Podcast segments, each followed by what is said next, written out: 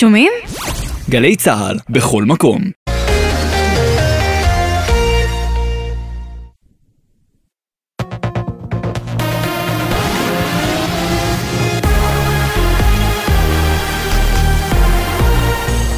גלי צה"ל השעה שבע, שלום רב באולפן גל אשד עם מה שקורה עכשיו. הנשיא הרצוג יישא נאום מיוחד לאומה בעוד כשעה בניסיון להגיע לפשרה בעניין הרפורמה במערכת המשפט, זאת לאחר שניסיונות ההידברות שניסה להוביל עד היום לא צלחו. שר המשפטים לשעבר גדעון סער מהמחנה הממלכתי התייחס לנאום הנשיא ביומן הערב עם ירון וילנסקי והדגיש, אני מצפה ממנו להתנגד. אדם לא יכול להיות ניטרלי אה, כשהוא חוזה נגד עיניו את ערש מדינתו, ואפילו נשיא המדינה לא יכול. הממשלה במו ידיה יצרה קרע חברתי שלא היה כדוגמתו במדינה מעולם. אני תומך בכל פעולת מחאה, אין מה להטיל אימים על אזרחי ישראל כאשר הם מממשים את החירויות הדמוקרטיות שלהם. בתוך כך, ראשי מפלגות האופוזיציה הודיעו כי יכנסו מחר הצהרה משותפת בכנסת. לדבריהם, זוהי שעת חירום, לא ניתן להרוס את מדינת ישראל. ידיעה שהעביר כתבנו המדיני ניר קוזין. לאחר דיון בבג"ץ הושגה הסכמה בנוגע לשטח הפגנת המחאה המתוכננת מחר בירושלים בשעות הצהריים. במהלך הדיון הזהיר נציג המשטרה מפני מצור על הכנסת, מדווח כתבנו לענייני משפט אביתר בר-און. שופטי בג"ץ הגיעו להסכמה עם נציגי התנועה לאיכות השלטון ועם נציגי המשטרה, לפי ההפגנה שמתוכננת מחר מול משכן הכנסת נגד הרפורמה המשפטית, תאושר עד כיכר המנורה, כך שתנועת הרכבים תתאפשר. מדובר בשינוי של עשרה עד עשרים מטרים בלבד ממה שהמשטרה התירה לפני כן. המשטרה התעקשה על גישת כלי רכב כדי לאפשר תנועת רכבי חירום במקרה הצורך. נציג המשטרה בדיון, ניצב משנה רונן עובדיה, סגן מפקד מרחב ציון, הוסיף והזהיר כי יש חשש ממצור על הכנסת. כתבתנו בבירה נועה ברנס מעדכנת כי יחולו שינויים בהסדרי התנועה בירושלים והרחובות רופין הנשיא השישי, אליעזר קפלן ורוטשילד יהיו חסומים לתנועה בחלקם. ציבור הנהגים מתבקש לבחור בדרכים חלופיות. ברקע הצעת החוק של חבר הכנסת אבי מעוז להגבלת השיח בבתי הספר על נטייה מינית וזהות מגדרית, שר החינוך יואב קיש הבהיר היום, לאבי מעוז אין שום סמכות במזר... במשרד החינוך. מערכת הגפן נשארה במשרד החינוך, תחת האחריות של שר החינוך וכל הנהלת משרד החינוך, נקודה. לא יעזור אלף פעמים הסיפורים על אבי מעוז, אין לו שום סמכות במשרד החינוך. אני אומר את זה בצורה הכי ברורה, מי שיכתיב את המדיניות זה משרד החינוך בלבד. בתוך כך, כתבתנו לענייני חינוך יובל מילר מציינת כי מנהלי עשרות בתי ספר הודיעו שיאפשרו למורים ולתלמידים לשבות מחר נגד המהפכה המשפטית ויקיימו הפגנות בסמוך לבתי הספר. שר החינוך קיש הזכיר בדבריו כי בהתאם לחוק, מורה שישבות לא יקבל שכר וכי לא ניתן אישור לתלמידים להיעדר.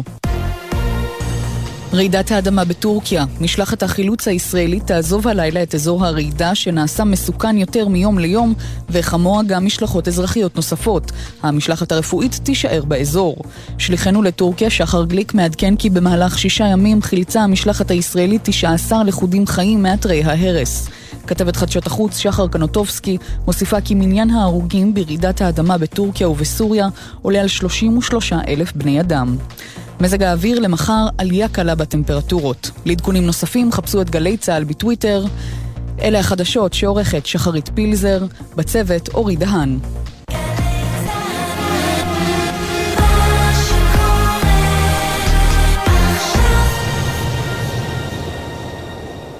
בחסות ביטוח ישיר המציעה למצטרפים עד שלושה חודשים מתנה בביטוח המקיף לרכב. ביטוח ישיר, איי-די-איי חברה לביטוח, כפוף לתקנון. בחסות אוטודיפו, המציעה מצברים לרכב עד השעה תשע בערב בסניפי הרשת, כולל התקנה חינם. כי אין סיבה לשרוף את שישי במוסך. אוטודיפו. דן קבלר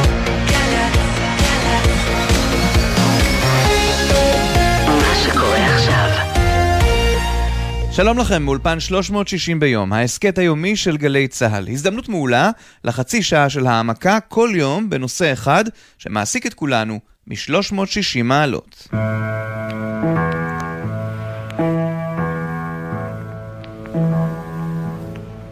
והפעם, ירושלים. מזרח ירושלים, זו ששוחררה ב-67' וחוברה לחלק המערבי והפכה עם שלם לשמח ומאושר, אבל גם לכזה שלא ממש יודע מה לעשות עם האוכלוסייה שנפלה בחלקו.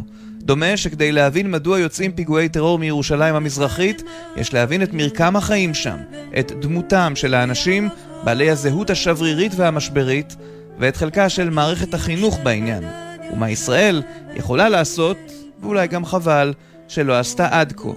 על ירושלים שאולי מאוחדת בליבנו לנצח, אבל בשטח ממש לא, במסע שלפנינו.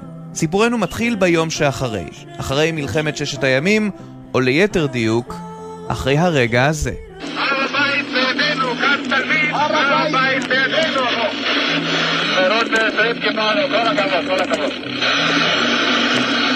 חדר, חדר, כל הכוחות חדר.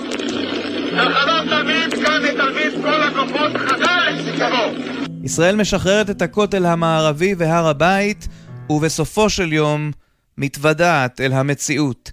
ומי שהתוודע אל המציאות הזאת היה מירון בן בניסטי, ההיסטוריון המנוח שהיה אז הממונה על מזרח העיר בעיריית ירושלים, והוא זה שסיפר בסדרת המופת תקומה מ-1998, סדרה של רשות השידור וכיום התאגיד, על הרגע שבו נפל לו האסימון. תוך זמן די קצר התחלתי להבין את הצד השני של המטבע. בעצם התבטא בעובדה שכיכר השוק לא הייתה ריקה. כיכר השוק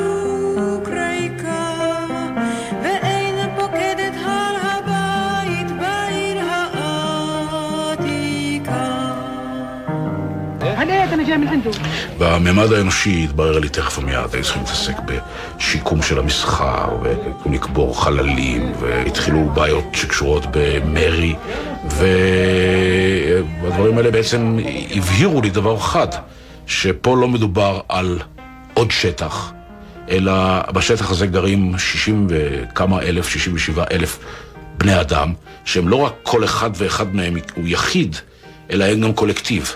ובניסיון הזה שלו לטפל באותו קולקטיב, הוא גם מבין עד מהרה שעליו גם לשלם מחיר אישי. סוף אותה שנה נאלץ מירון בן בניסטי, הממונה על מזרח ירושלים, להתפטר מתפקידו בעירייה, בעקבות ביקורת שהוטחה בו על יחסו המתחשב כלפי האוכלוסייה הערבית. הבנת הצד האחר לא התקבלה בשנים אלו באהדה. אני עזבתי על רקע של הדלפה על תוכנית שהצעתי לחלק את ירושלים לרבעים. הדבר הזה נתפס אצל הרבה מאוד אנשים כחלוקת ירושלים. ולכן אמרו שאני בוגד, בסוף טדי קולק היה מוכרח להיפטר ממני. אני שילמתי מחיר אה, שבפרספקטיבה של 30 שנה אה, נתפס אצלי כמחיר סביר. זאת אומרת, אני מבין עכשיו למה, ואני לא כועס. זאת אומרת, פעם זה היה עניין של כעס. למה לא הבינו? עכשיו אני מבין שאי אפשר היה להבין משום שהתנאים לא היו בשלים. ואפרופו פרספקטיבה, בואו נצלול לעומק, לתוך מארג העניינים המורכב כל כך. הדוקטור דוד קורן, מנכ"ל מכון ירושלים למחקרי מדיניות, קח אותנו למה שקורה תוך כדי שחרור העיר העתיקה והכותל המערבי. יש עוד דברים שמתרחשים שם. בסוף ב- ביוני 67 ישראל uh, מספחת 19 כפרים שעד אז לא היו חלק מירושלים. למעשה מזרח ירושלים הירדנית הייתה שטח uh, uh, קטן מאוד בסמיכות לעיר העתיקה והאזור הזה, אבל כל שאר הכפרים היו בעצם לא קשורים לירושלים ולא קשורים לישראל, ואז באבחה אחת אחרי יוני 67 ישראל מספחת את אותם כפרים, באותה עת גרים בהם כ-50 עד 60 אלף איש, היום גרים בהם כ-370-380 אלף איש. הגידול הדרמטי הזה במספר של התושבים נובע לא רק מילודה גבוהה באותם שנים, אלא בראש ובראשונה מתוקף איחודי משפחות. כלומר, מצב שבו אחד מבין בני הזוג הוא תושב ירושלים, השני תושב שטחים, הם מתחתנים זה עם זה, הבן זוג או בת הזוג הופכת להיות תושב או תושבת ירושלים, וגם ילדיהם, ואז בהדרגה בעצם נוצר מצב שמזרח ירושלים היא היום שטח של כ-70 קילומטר רבועים, שהרוב המכריע של תושביו הם בעצם פלסטינים מיהודה ושומרון, שמרקם החיים שלהם, מרקם הזיקות שלהם, הזהות הלאומית שלהם, כל מארג הקשרים שאתה יכול לחשוב עליו, בראש ובראשונה נטוע אה, ביהודה ושומרון, ופחות בתוך ההקשר הישראלי והירושלמי. שזה מובן אם הולכים עוד יותר אחורה ומנסים להבין את הפרופיל של אותם אנשים. הרי בסוף הם ירדנים, לפחות בזיקה שלהם. ועל כך אתה מרחיב באוזנינו, דוקטור אורן שלמה, חבר סגל במחלקה לסוציולוגיה, מדעי המדינה והתקשורת באוניברסיטה הפתוחה. פלסטינים במזרח ירושלים עד פחות או יותר שנות התשעים, אה, יכלו להשתמש גם, אה, אה, היו פחות או יותר בזיקות חזקות לממלכה הירדנית, יותר מדויק עד סוף שנות ה-80, עד שהמלך הירדני משך את תביעתו לריבונות בגדה המערבית, ובכלל זה ירושלים, אבל עד אז הם טיפלו בעניינים המשפחתיים שלהם בבית הדין השרעי הירדני שהיה קיים שם, הם למדו את תוכנית הלימודים הירדנית בבתי הספר, הם חידשו את הדרכונים הירדנים שלהם בלשכת המסחר הירדנית שהייתה בירושלים המזרחית, ככה עד סוף שנות ה-80 פחות, אז הירדנים בחסות. בגלל האינתיפאדה הראשונה ולאחר מכן תהליך אוסלו, הירדנים נדחקים מירושלים הפלסטינית על ידי פת"ח בהתחלה ולאחר מכן על ידי מנגנוני הרשות הפלסטינית שהם למעשה תופסים פיקוד ותופסים איזושהי עמדה ממשלית ב... ב... בירושלים הערבית, כולנו זוכרים את האוריינט האוס, פעילות מנגנוני הביטחון הפלסטינים ב... ב... בירושלים הערבית, זאת אומרת שנות ה-90 היו שנים מאוד דומיננטיות מבחינת הזיקות הפלסטיניות של, הירוש... של הפלסטינים שלך. שחיו בירושלים הערבית, והדבר הזה כמובן משתנה. וכאן, דוקטור דוד קורן, נכנסת השאלה על הזהות הלאומית המאוד מאוד מורכבת של אותם פלסטינים, תושבי מזרח ירושלים, למעשה תושבי ישראל, כפי שזה נקרא, ואף נכון מאוד, גם במובן המשפטית. אז איך זה מורכב בעצם? בין השנים 2005 עד 2007 מוקמת גדר הביטחון, שבעצם עושה מהלך דרמטי, כי היא מנתקת את ירושלים מרמאללה ומהמרחב של יהודה ושומרון, ואז מתחיל איזשהו תהליך שבו אנחנו רואים שערביי מזרח ירושלים הולכים ונעשים מחוברים יותר ויותר אל תוך הזירה הירושלמית עצמה, ופחות אל מרחב יהודה ושומרון בכל מיני היבטים, אבל עדיין צריך לזכור שמבחינה לאומית, זהותית, אם אנחנו מנסים למצוא איזושהי מקבילה לזהות של ערביי מזרח ירושלים, לדעתי מקבילה הרבה יותר לתושבי יהודה ושומרון מאשר אה, לערביי 48 שגרים בג'לג'וליה, טירה, קלנסווה וכולי, אלו ואלו פלסטינים, אבל רמת ההתערות של, של ערביי 48 בחברה הישראלית, ב, אה, הייתי אומר אפילו בכל מערכת החינוך, במערכת ההשכלה, בשיח, בשפה, היא גדולה לאין ארוך מזו של ערביי מזרח ירושלים, שנותרו במידה רבה דומים יותר בהרבה מאוד מובנים לערביי יהודה ושומרון, ולכן גם מאוד מושפעים מתהליכים שקורים ביהודה ושומרון, כולל בהקשר הביטחוני וכולל בהקשר הפוליטי.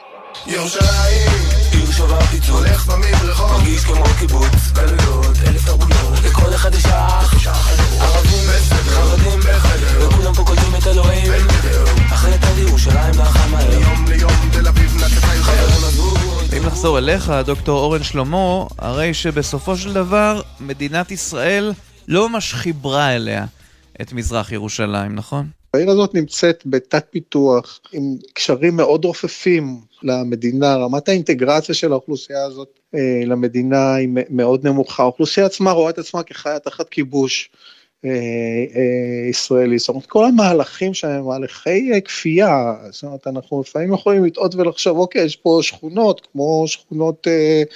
אחרות בירושלים, אבל זה ממש ממש לא המצב. הפרקטיקות של הניהול של האוכלוסייה שם זה לא משהו שהוא דומה למה שמתנהל ב, בתחומי ישראל. ינאל ג'בארין הוא פעיל פוליטי, תושב ירושלים, שמכיר היטב את קו התפר, שם הוא גר, אבל גם את מזרח ירושלים עצמה. ספר לנו משהו על חיי היומיום שם. בתחילת החיים שלי בירושלים, אז גרתי ממש בגבעת צרפתית, שהיא שכונה יהודית, יש בה מרכיבים של גם מרצים ואליטה של אוכלוסייה ערבית, ולידה עיסאוויה, שהיא שכונה די זניחה, כל יום יש שם עימותים עם המשטרה כמעט, באופן יומיומי, יש שם הריסות בתים גם מדי פעם, היו תמיד מאבקים שונים, וביום יום אני מרגיש כאילו את ההבדל הגדול בין מזרח למערב העיר, כשאתה מסתובב בתוך השכונות, האזורים השונים, אפשר לראות את ההבדלים בתברואה, בניקיון, בתנאים המחיה, זה עולם אחר כאילו, יש מערב, יש מערב העיר ויש מזרח העיר, תמיד מספרים, מנסים לספר שכאילו ירושלים מאוחדת, אבל היא אף פעם לא הייתה מאוחדת, ויש פערים ממש גדולים בין מזרח למערב העיר. ויש גופים ממש של יהודים, של עמותות מתנחלים, שמנסים להשתלט על בתים של פלסטינים במזרח העיר, בין אם זה בסילואן וגם עכשיו בשייח' ג'ראח. אז מתי בכל זאת כן התחילו לראות איזשהו קשר מתהדק בין תושבי ירושלים המזרחית לזו המערבית? אתה רואה גם בגלל שמאז שהרכבת הקלה התחילה, אז פתאום יש, יש, יש את, ה, את, את הערבוב הזה בין אנשים שגרים במזרח לגרים, לגרים במערב, ואנשים ממזרח העיר התחילו יותר לעבוד במערב העיר בעקבות הרכבת הקלה, כי כלי תחבורתי שהוא ממש נגיש, והוא יכול לקרב אותך למערב העיר, ששם בעיקר רוב העבודות מתקיימות, משרדים ממשלתיים וכדומה, וביום יום ממש כאילו לפני כן באוניברסיטה העברית נגיד, או מקומות אחרים, אז עם עלי, הייתה עלייה ממש גדולה של סטודנטים במזרח העיר באוניברסיטאות ובמקומות אחרים, שאתה מרגיש שכאילו האוכלוסייה תהיה, יהיה שינוי בשנים הבאות, מאיך שאנחנו מסתכלים עליה. אם פעם רוב הצעירים הערבים במזרח העיר למדו באוניברסיטאות בגדה, הפעם יש דווקא כיוון יותר ללמוד במכללות או באוניברסיטאות בירושלים או בכלל בישראל, כי זה מקנה להם את המעמד להיות בתוך העבודה בתוך אה, ישראל, בתוך הקו הירוק, עם יותר מעמד כלכלי יותר טוב. אבל זה, דוקטור דוד קורן, בדיוק מה שמתחיל את הדיון על מערכת החינוך במזרח ירושלים, על ההסתה שבה, על כך שהם לא בדיוק, לפחות לא רובם, מקבלים את מערכת החינוך ותוכנית הלימודים הישראלית, וזה כאמור מתחיל באותו חלום של תושבי מזרח ירושלים, כן להיות כאן, באוניברסיטה העברית.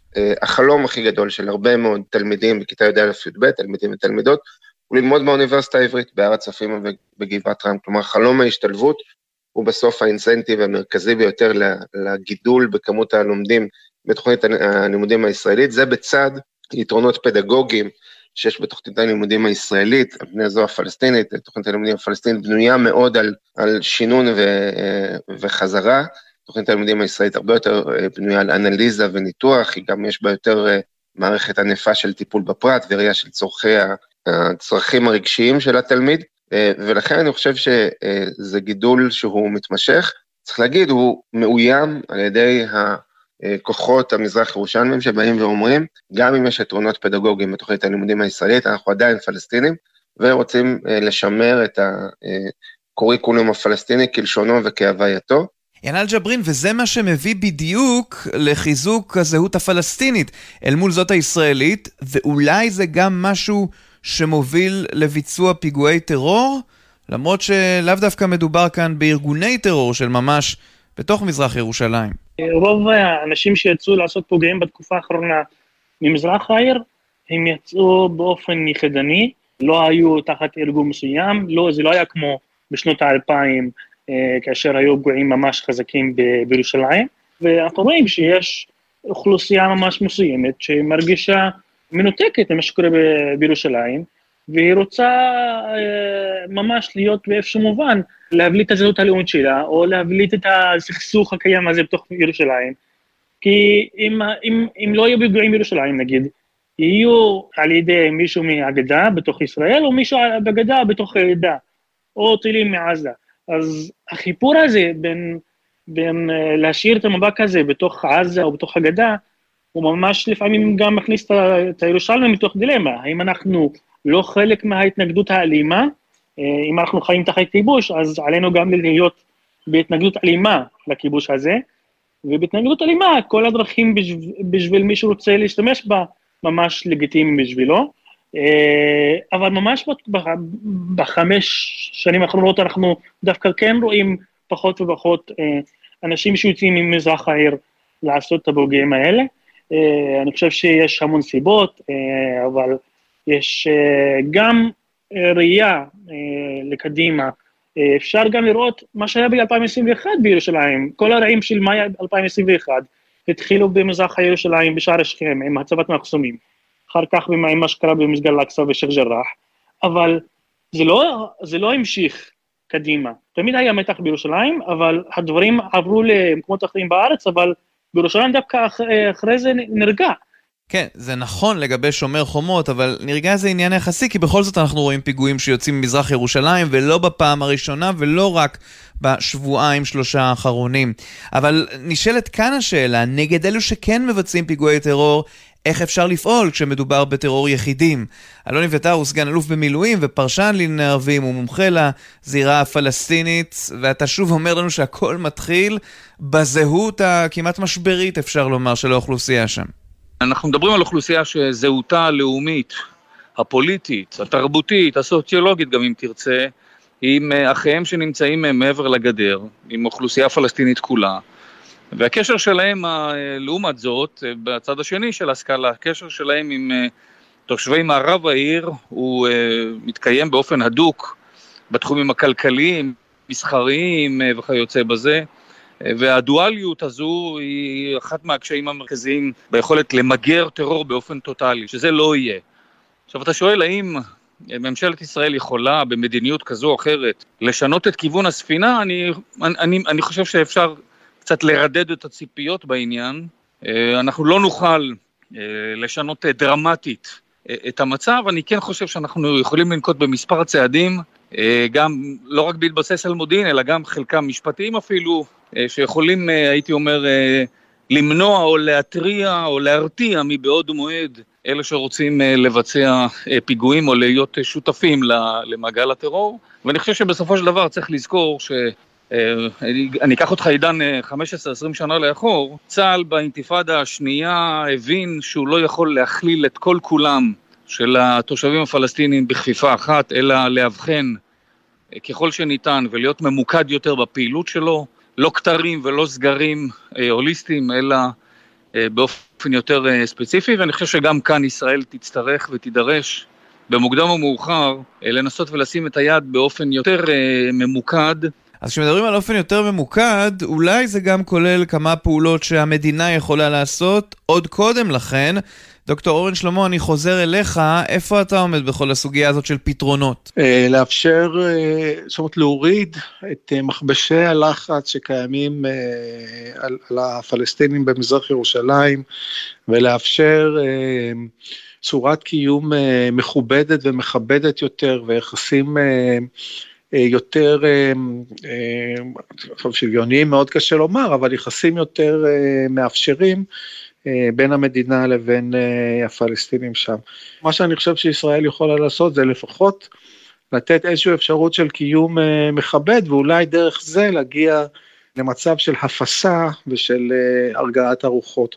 חימום הרוחות ושפיכת אש על, ה... על הזעם העצור והבעיות האפליה החמורות שקיימות שם מצד ישראל לפלסטינים, אני לא חושב שהם יועילו במשהו, אלא הם רק יעודדו, אני חושב, יותר ועשויים להסלים את המצב. וזה מה שחושב כנראה גם אתה, דוקטור דוד קורן, בהיבט החינוכי.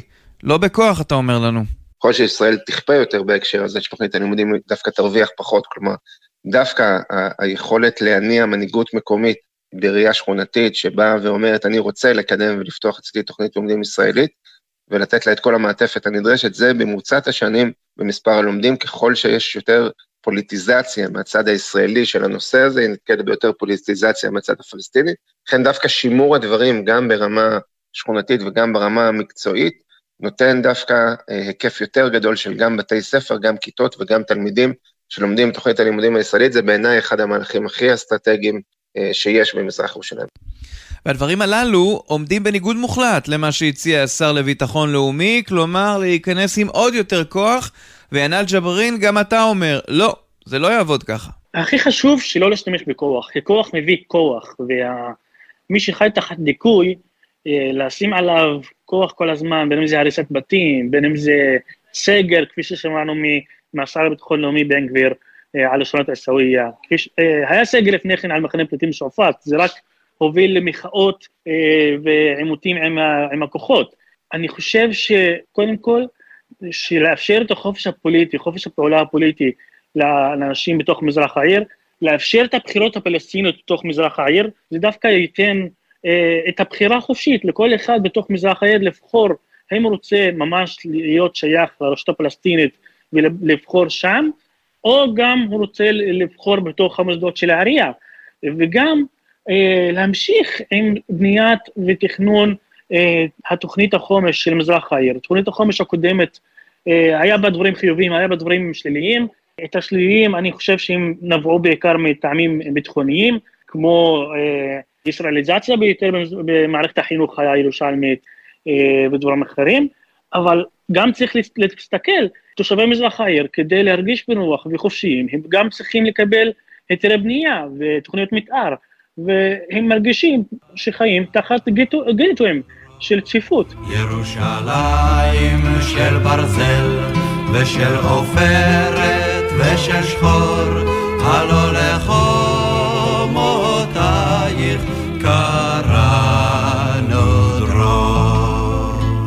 ובתוך הצפיפות הזאת צריך עדיין לפעול ביטחונית, גם אם לא רוצים להפעיל כוח בלתי סביר. גם על הסבירות יש כאן ויכוח, כפי שאתם יודעים. אלון אביתר, מה כן אפשר לעשות? אפשר כן ללכת ולנסות לאסוף אה, אה, נשק מבתים אה, שעליהם יש מידע מודיעיני מוקדם. אנחנו לא יכולים לעשות את זה באופן אה, רנדומלי, כמו שאתה לא עושה את זה בשום אזור אחר. אה, אנחנו לא יכולים לעשות כתרים וסגרים בתוך אה, שכונות וכפרים שנמצאים תחת שליטה ישראלית. צריך לזכור את הדברים הללו. אני לוקח אותך, עידן, רק אה, מספר שבועות אה, לאחור. ישראל הטילה כתר על אה, מחנה פליטים שועפאט, ואחרי מספר ימים, בהמלצת המשטרה, פתחה אותו. זאת אומרת, אנחנו צריכים להבין שאנחנו לא יכולים להכניס לסיר לחץ אוכלוסייה שלמה שרובה אין לה מעורבות, אולי היא מזדהה בחלקה וכולי, אבל אין לה מעורבות בכל מה שנוגע למעגל האלימות. משכך, אתה לא יכול להטיל עונשים קולקטיביים. העונשים הקולקטיביים, אנחנו למדנו על בשרנו, אה, ולא משנה תחת איזה ממשלה, לא ימין ולא שמאל, אלא מבחינת נקודת מש... מבט אה, ביטחונית בלבד, למדנו שהעונשים הקולקטיביים לעיתים אפילו אה, עלולים להיות לרועץ, הם, אה, הם בומרנג, בסופו של דבר אתה מעורר נגדך אה, בסיר לחץ אוכלוסייה שהייתה מחוץ למעגל ועכשיו אתה מכניס אותה פנימה.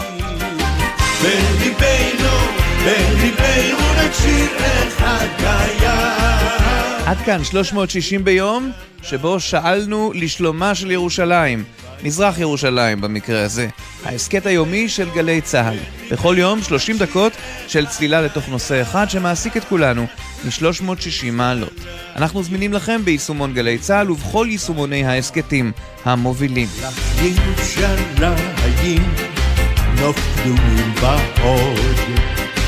לך ירושלים העורך נמרוד פפרני, הפיקו נועה ארז ויונתן שגב. הטכנאי הוא נדב דור, עורכת הדיגיטל היא יולי אמיר. אני עידן קבלר. שלום.